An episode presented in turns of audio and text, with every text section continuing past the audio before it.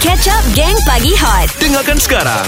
Ya, lagi lima hari kehangatan AJL kian terasa. Ya, siapakah yang bakal mengangkat gelaran juara lagu yang ke-35 akan terjawab lagi lima hari. Pagi ini guys, kita bersama dengan salah seorang finalis AJL 35. Jika benar itu jangan Ya, selamat pagi. Azlan Enterwriter. Pagi semua Pagi. Oh. Azlan dah makan ke? Ah, Sekejap lagi lah Sekejap Lan, lagi. ah, itu Rina penyampai Eh, baru. Hai. Tadi sebelum awak datangkan, dia request nak duduk sebelah Azlan. Ah, betul, betul tadi. Malu dah tu. Jahat lah Usik I Betul lah. Sampai tercabut mic I tadi sebelah Wow. Azlan tau Ah, oh. Ya yeah, Saya nervous sebenarnya kalau boleh Nak duduk sebelah PZ tu Sampai sini Okey uh, Untuk pengetahuan anda Azlan and Talk Writer Ya. uh, Akan bertanding Untuk AJL ke-35 Bagi lagu Jangan Hianati Aku Ya. Uh-uh. uh, Hasil ciptaan Lan sendiri Ha-ha. Setelah sekian lama Menyepi Akhirnya layak ke pentas AJL Boleh kongsikan tak Persiapan AJL kali ini Lan Okay sebelum tu kita cerita sikit lah Selama ha, Lebih kurang 7-8 tahun Senyap Bercuti Betul. so, Sebenarnya kita bukannya Pergi buat Pergi lepak Kosong tak juga Mm-mm. So Mostly Banyak pergi buat research lah Dekat Mhm. muzik Okey Dan masa tu juga Sebelumnya Sebelum terciptanya lagu ni lah eh Mhm. Sebab daripada, daripada pendapat saya Dari segi lirik Kalau kita nak tulis barang cincai-cincai pun Mhm. Saya rasa tu satu perkara yang tak best lah Mhm. Jadi kita tunggu betul-betul Time, right time Masa Yeah. yang betul Dengan penerimaan pendengar Rasanya bila Yoni Boy keluar kan Mhm. Baru kita release Oh, Yeah Dah almost Jadi Yang mana Kalau kita cerita persiapan Mhm. Uh, sebenarnya kalau nak cerita persiapan kita boleh letak lebih kurang uh, 60% lah. 60% eh? Tak ni bagi berapa ni?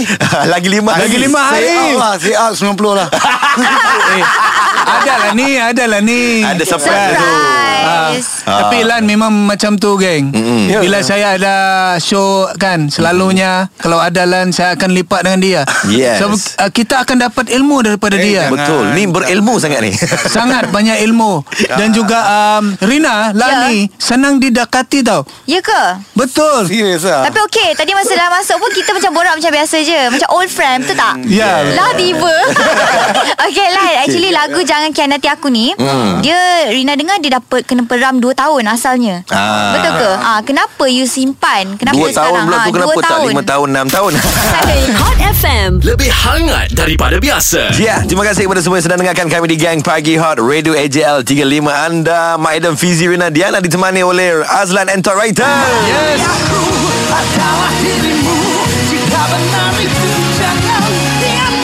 Yeah Ya, Hoi. Ah. Tadi I dah tanya Abel Lan ha, Malu tak, tak malu Hmm. Okey je Oh. Okey Tania Tania Tadi I dah tanya uh, Abang Lan uh, Kenapa dia peram lagu Jangan Kianati Aku ni selama 2 tahun Oh. Ah, Kenapa simpan lama Lama menor ni bro. Okey dalam hasil kajian tu Sebenarnya saya rasa Waktu sangat uh, Satu peranan yang paling Paling penting lah mm-hmm. So bila kita keluar lagu Pada waktu yang salah Saya rasa kita Rugi. agak rugi lah wasting lah. Betul. Jadi bila 2 tahun tu saya rasa sebenarnya kalau waktu tu tak cukup 2 tahun, mm-hmm. mungkin dia akan jadi lagi 3 tahun baru kita keluar. Hmm, Ah. Ataupun kalau dah cukup mungkin dia setahun dah dah cukup. Yelah kalau yeah. tengok sebelum ni pun lagu Di Pintu Syurga Abang Tam Spider buat Tujuh Ah. tahun dia peram lagu tu ah, Lama Hmm. Ya, dah lagi lama. Sebabnya mm.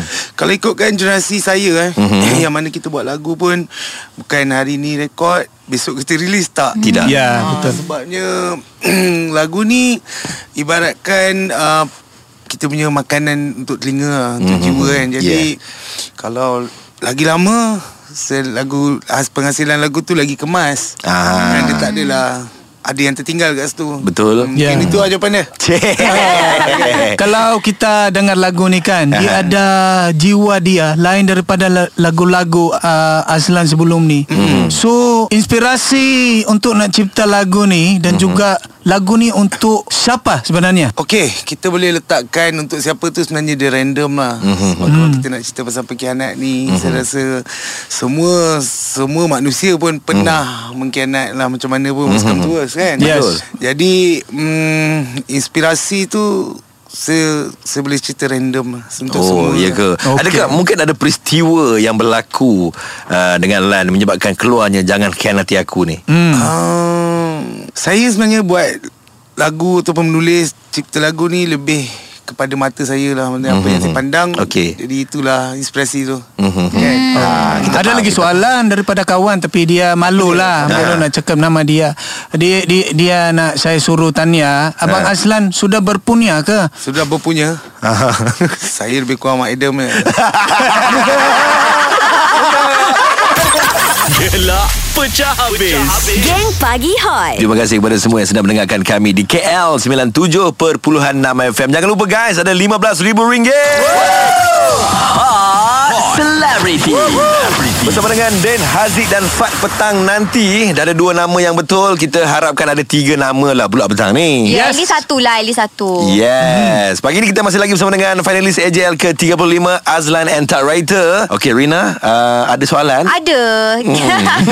Kita nak tanya Okay Kita pun tahu suara Abang Azlan kan macam Very serak-serak macam tu Hmm, Tapi husky bila voice. hmm. ah, Tapi bila cakap Bukan suara tu Ah. Bila nyanyi suara tu So berapa lama You train Untuk dapatkan suara tu hmm, jawab ni sebenarnya kalau nak train saya rasa suara ni datangnya mungkin daripada baby kot lahir-lahir tu dah Ikut naturally mungkin lah mungkin mungkin Mungkin, mungkin lah. Tapi untuk untuk kita asah vokal tu saya Mhm. ambil masa saya start main muzik saya rasa umur 12 tahun saya dah main gitar dah. Mhm. Hmm. So saya belajar vokal daripada gitar lah sebenarnya. Ah, untuk pengetahuan anda, uh, Lan ni dulu adalah gitaris. Ah, ah. Ah, Hmm. macam mana dulu boleh menyanyi Abang eh? Macam ni je Kau rasa ah, Bila takdir tu dah, dah tukar Daripada gitaris tu jadi penyanyi Okey. Makanya jadi penyanyi lah Aha. Contohnya Mike Dem juga Betul, betul. Nah, juga Semua orang pun Mhm. Dia ada masing-masing punya jalan kan Ya, Yes. yes. sebab kita tak tahu kele- kelebihan kita sebenarnya. Kita Betul, kena kita buat cari. dulu Mhm. Yes. sebelum tahu. Sebelum, ah. Sebelum itu Aduh, Dah jadi jemput Oh. pula. Sebab kita tak tahu Mungkin satu hari Yes. yes. nanti uh, Kita boleh jadi Pengalih suara Contoh cerita Doraemon Mhm. atau Macam I Kau sama saya suka. Sebelumnya I berlakon Lepas Ah. tu tiba-tiba Tiba jadi radio announcer Tiba-tiba I dapat kartun Eh tapi Irina pernah dapat tau Kartun Serious ah, ah? kat, Diorang suruh Rina casting Hantar voice Aha. Lepas PKP Diorang kata Rina boleh tak you hantar voice Kita nak cast you uh, Suara kartun So mula-mula I rasa Cerita macam apa? Cibi Marco Chan. I tak tahu eh Tapi macam kartun Tapi macam Eh betul juga Style. Oh. Ah. Lawak lah weh Hot FM. Lebih hangat daripada biasa. Terima kasih kepada semua yang sedang dengarkan kami di Gang Pagi Hot. Lagi 5 hari, AJL bakal menjelma. Ya yeah, makin hari makin Ah. berdebar Aha. Yes. So uh, kepada abang kita Azlan, Cik. adik kat abang. Lan, okey uh, kita pun dah tahu uh, Azlan sebelum ni dan juga uh, kumpulan dia sudah memenangi Yes. AJL. So harapan Azlan untuk tahun ni. Uh, to be honest Sebenarnya kita tak ada letak harapan tinggi-tinggi pun Mhm. Kan Sebabnya Saya rasa peluang untuk generasi baru Buat yang terbaik ada lagi baik sebenarnya So Mhm. kita datang untuk touch up Colour eh, That's just good enough lah bro Fuh. Memang humble lah. humble. Humble Antara 12 lag- 12 finalist ni Hmm. Which one is your favourite? Kalau betul-betul favorite vokal is Aina Abdul lah. Hmm. Aina Abdul ni hmm, saya boleh letakkan dia ni uh, salah seorang ma- uh, makhluk daripada planet lain sebenarnya. Suara dia memang sedap Hmm. kan? Suara dengan dia feel power. Dia, kan? Macam uh, kalau saya dengar radio katalah Hmm. daripada tahun 80-an eh. Okey. 80s sampai sekarang pun saya rasa tak dapat tak dengar lagi suara macam tu. Hmm. Ya betul. Hmm, betul kan? Dia Dengan pun feel ada dia. dia punya keunikan lah. Tapi di golongan lelaki dengan AJL tahun ni, Mhm. Azlan punya vokal juga yang menyerlah bagi saya lah. Yes, sebab, sebab bagi saya dia antara tiga tiga penyanyi yang sinonim yang bila sebut vokal dengan antaranya Aini Hmm. Zakri, uh, Aina Abdul dan Abdul. juga Azlan Taraita. So ini di antara mereka-mereka yang disebut-sebut uh, untuk memenangi vokal terbaik AJL 35. Betul. InsyaAllah, insyaAllah, insyaAllah. Amin. Gelak pecah habis. Geng Pagi Hot. Maidam Fizi Rina Diana ditemani oleh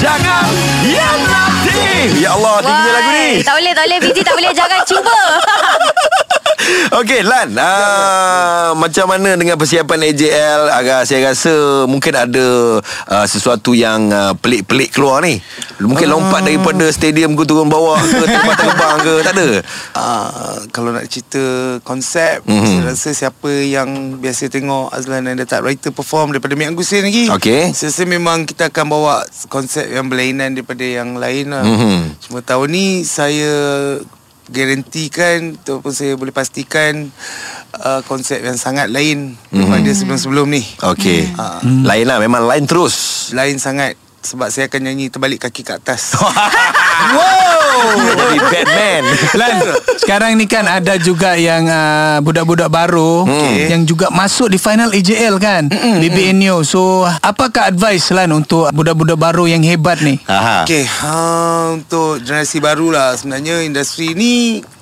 adalah yang ah, macam mana nak cakap eh? Industri mm-hmm. ni kita sama-sama kita sharing Mhm. Yes. kan Mhm. dan dan saya rasa kita bersaing pun secara sihat lah Mhm. mm-hmm. secara positif mm-hmm. jadi kita tolak semua elemen-elemen negatif tu mm-hmm. Mhm. kita buat untuk industri muzik negara kita sendiri lah. Tu Amin. lebih baik. Betul, betul. Ah, kan? InsyaAllah Sama-sama kita naikkan uh, Ya. industri muzik kita. Yes. Bekerjasama kan? Ya Lan, uh, sekarang ni buat apa selain menyanyi sebab uh, saya tahu hmm. Lan ni sebelum dia ada kedai Dia berniaga uh, menyaga. Okay. So sekarang ni Lan selain menyanyi kita buat apa bro? Ah. Kita buat apa Kita kita sedang uh, dikonti. tak bila kita bercakap dengan Lan ni memang uh, rasa hmm. dekat lah macam adik-beradik kan. Aha. So that's why I talk to him like that. Ah, ya. Okay, yeah. Sebenarnya bila kita cerita tadi beradik kita industri ni kita Malaysia ada 30 juta lebih Mhm. kurang mm-hmm. penduduk. So yang ada dari industri ni lebih kurang 2% pun tak sampai. 1%, 1% pun tak sampai. Mhm. 1.5% pun Mm-mm. mm-hmm. susah nak sampai. Jadi mm. kita sebenarnya treatment saya dengan semua adalah macam adik-beradik lah. Mm-hmm. Family together kan. Yes. Mhm. Yes. Jadi apa soalan dia tadi? Okay. Soalan dia tadi selain menyanyi sekarang ni oh buat apa? dengan hmm. okay, ah okay. buat apa? Okey, kita uh, tunggu jawapan dia kejap lagi guys. Okey. Sebelum tu terlepak dulu dengan Aneth. Woo! Dia ni Yeah. pernah komen dia cakap, "Waduh, sedap banget suara Mak Adam." Wow. Ya. Ah, Lepas tu mak pun melompat-lompat dari TV3 sampai ke bawah. Kangen, kangen. Bukan kangen. Kangen. Kangen. Hot FM. Lebih hangat daripada biasa. Pagi ni kita bersama dengan Azlan and Tok Writer.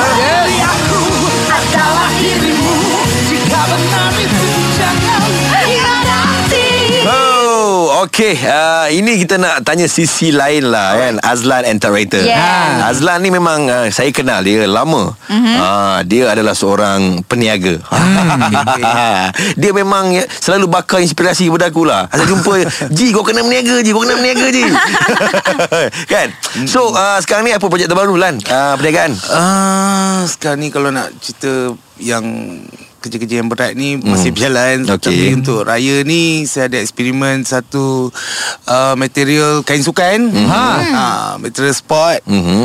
kain sukan yang kita convert jadi baju Melayu Wow. Wow. ha so dengan Memang serap peluh ha. serap peluh so senang lah kalau nak ambil semayang pun senang Saya tak pernah dengar ni. tak melanggar Kan? ah, Ha, okay, bro. bila bila kain uh, sportswear ni dia senang dia stretchable so senang solat you nak tunduk Ya, betul. senang Mhm. Betul. Ha. Ah, Ya. syukur syukur syukur. Hari Raya boleh main bola kot. Gelak pecah habis. Geng Pagi Hot. Terima kasih kepada anda yang sedang dengarkan kami di Gang Pagi Hot. Dia memilih aku. adalah Ah, dirimu Hianati. oh Hianati je keluar. ya lain tu mana Okey, sekarang ni kita nak dengar uh, last word daripada Lan. Silakan Lan kepada yeah. pendengar kita. Sekarang ni saya mm. ucapkan Terima banyak terima kasih Terutama kepada Hot FM lah mm-hmm. Sebab selalu menyokong kan Okey. uh, Tak lupa juga kepada In Digital Music mm-hmm. uh, Dark Liquid Semua team production yang terlibat Untuk uh, lagu Jangkin Hati Aku mm-hmm. Dan akhir sekali Terima kasih kepada semua pendengar-pendengar Yang meminati lagu-lagu Azlan Tak Writer Dan lagu-lagu rakan-rakan lain lah Yes, Amin. Yes. Yes. Ni nak dengar sikit lah. Lanja lah ya sikit. betul lah Lan. Kan ku curi Lagu tu kan Bukan bukan Tak nak, kita nak dengar lagu Jangan okay, Okey, Kennedy okey, Aku. Yes. Okay, three and four. Punah semua harapan bersama Sekira kau larut dalam hati Lagi Lan, lah. yang, yang part tu lah Yang Lan chorus tu Kan? Chorus, chorus, tu. chorus, chorus, chorus. Yang memilih aku adalah dirimu Jika benar itu jangan hianati Berjanji padaku Percaya selalu Wow. Geng Pagi Hot Isnin hingga Jumaat Jam 6 hingga 10 pagi Bersama Mark Adam Fizi dan Rina Diana Hot FM Lebih hangat daripada biasa